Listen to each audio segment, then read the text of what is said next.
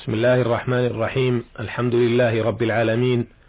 وأصلي وأسلم على أشرف الأنبياء والمرسلين نبينا محمد وعلى آله وأصحابه أجمعين والتابعين ومن تبعهم بإحسان إلى يوم الدين. أما بعد أيها المستمعون الكرام السلام عليكم ورحمة الله وبركاته.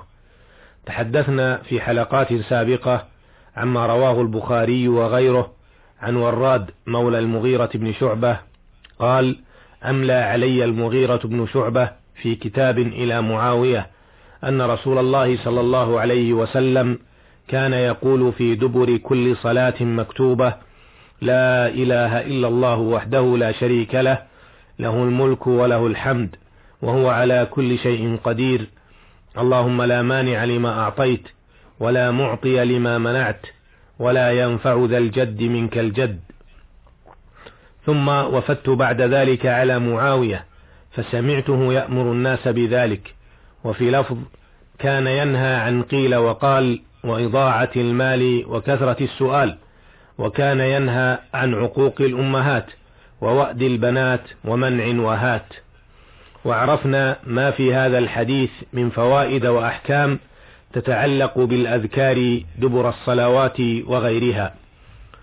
وفي هذه الحلقة نتحدث عما رواه مسلم رحمه الله وغيره عن سمي مولى أبي بكر بن عبد الرحمن بن الحارث بن هشام عن أبي صالح السمان عن أبي هريرة رضي الله عنه أن فقراء المهاجرين أتوا رسول الله صلى الله عليه وسلم فقالوا يا رسول الله ذهب أهل الدثور بالدرجات العلى والنعيم والنعيم المقيم قال وما ذاك؟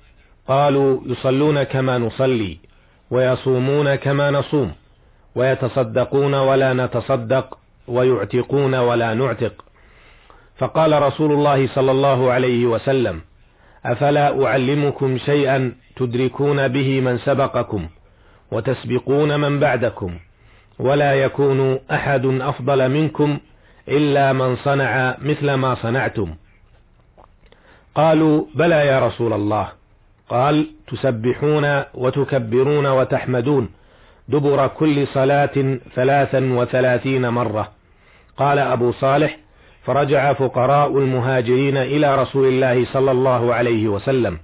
فقالوا يا رسول الله سمع إخواننا أهل الأموال بما فعلنا ففعلوا مثله.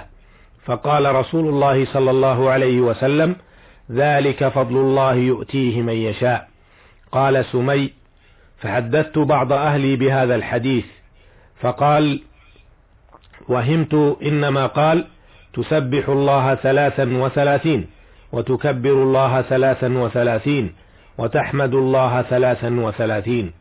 فرجعت إلى, أبي صالح فذكرت له ذلك فقال قل الله أكبر وسبحان الله والحمد لله حتى تبلغ من جميعهن ثلاثا وثلاثين.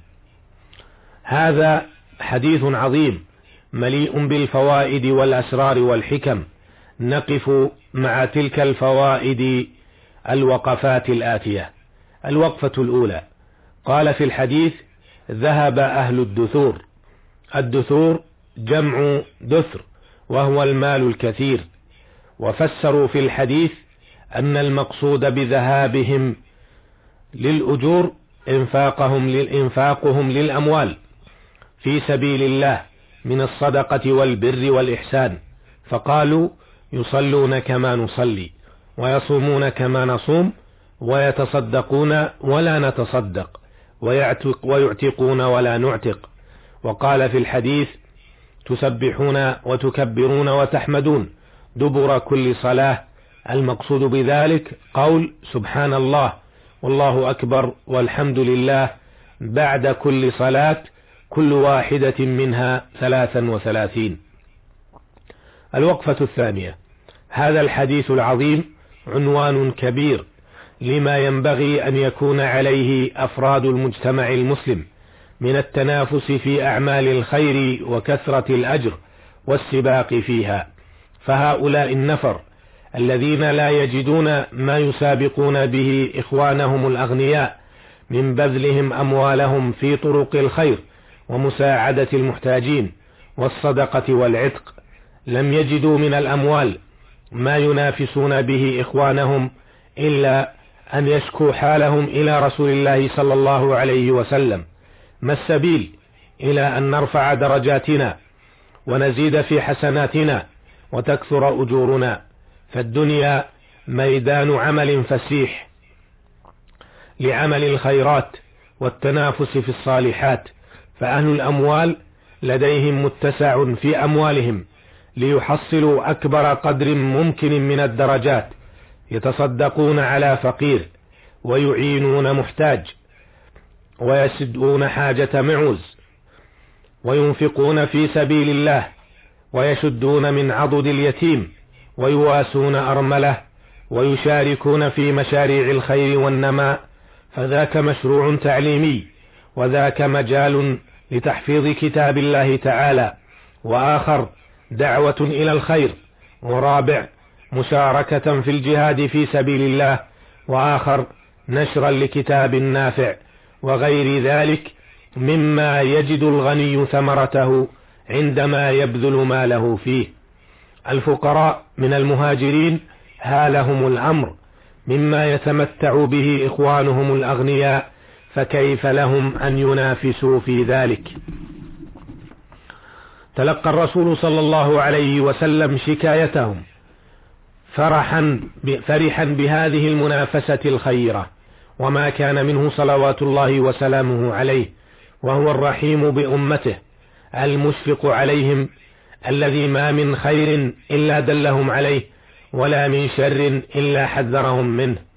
قدم لهم صلوات الله وسلامه عليه مقدمة يواسيهم بها ويسليهم بها وفتح الآمال لهم وبين أن فضل الله واسع وعطاءه لا ينفد ومنته عظيمة.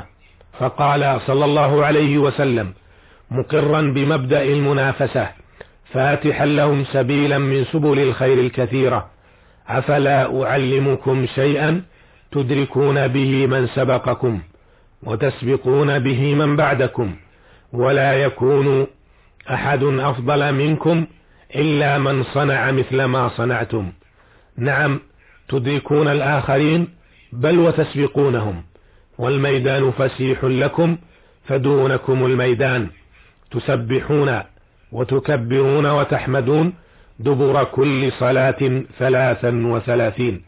عمل يسير لكن الأجر عظيم ووفير.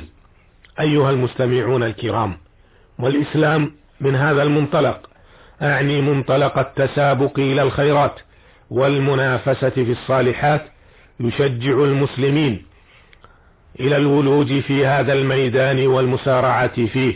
يقول سبحانه وتعالى فاستبقوا الخيرات ويقول جل وعلا وسارعوا إلى مغفرة من ربكم وجنة عرضها السماوات والأرض ويقول سبحانه سابقوا إلى مغفرة من ربكم والجزاء من جنس العمل فأولئك المتسابقون لهم الفوز والفلاح في الدنيا والآخرة يقول جل وعلا ويوم تقوم الساعة يومئذ يتفرقون.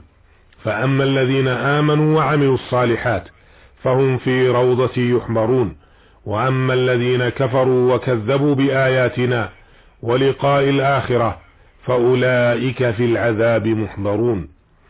وللحث على هذه المنافسة الخيرة يقول الرسول صلى الله عليه وسلم فيما رواه الترمذي بإسناد حسنه بعض أهل العلم بادروا بالأعمال سبعا هل تنتظرون إلا فقرا منسيا أو غنى مطغيا أو مرضا مفسدا أو هرما مفندا أو موتا مجهزا أو الدجال فشر غائب ينتظر أو الساعة فالساعة أدهى وأمر.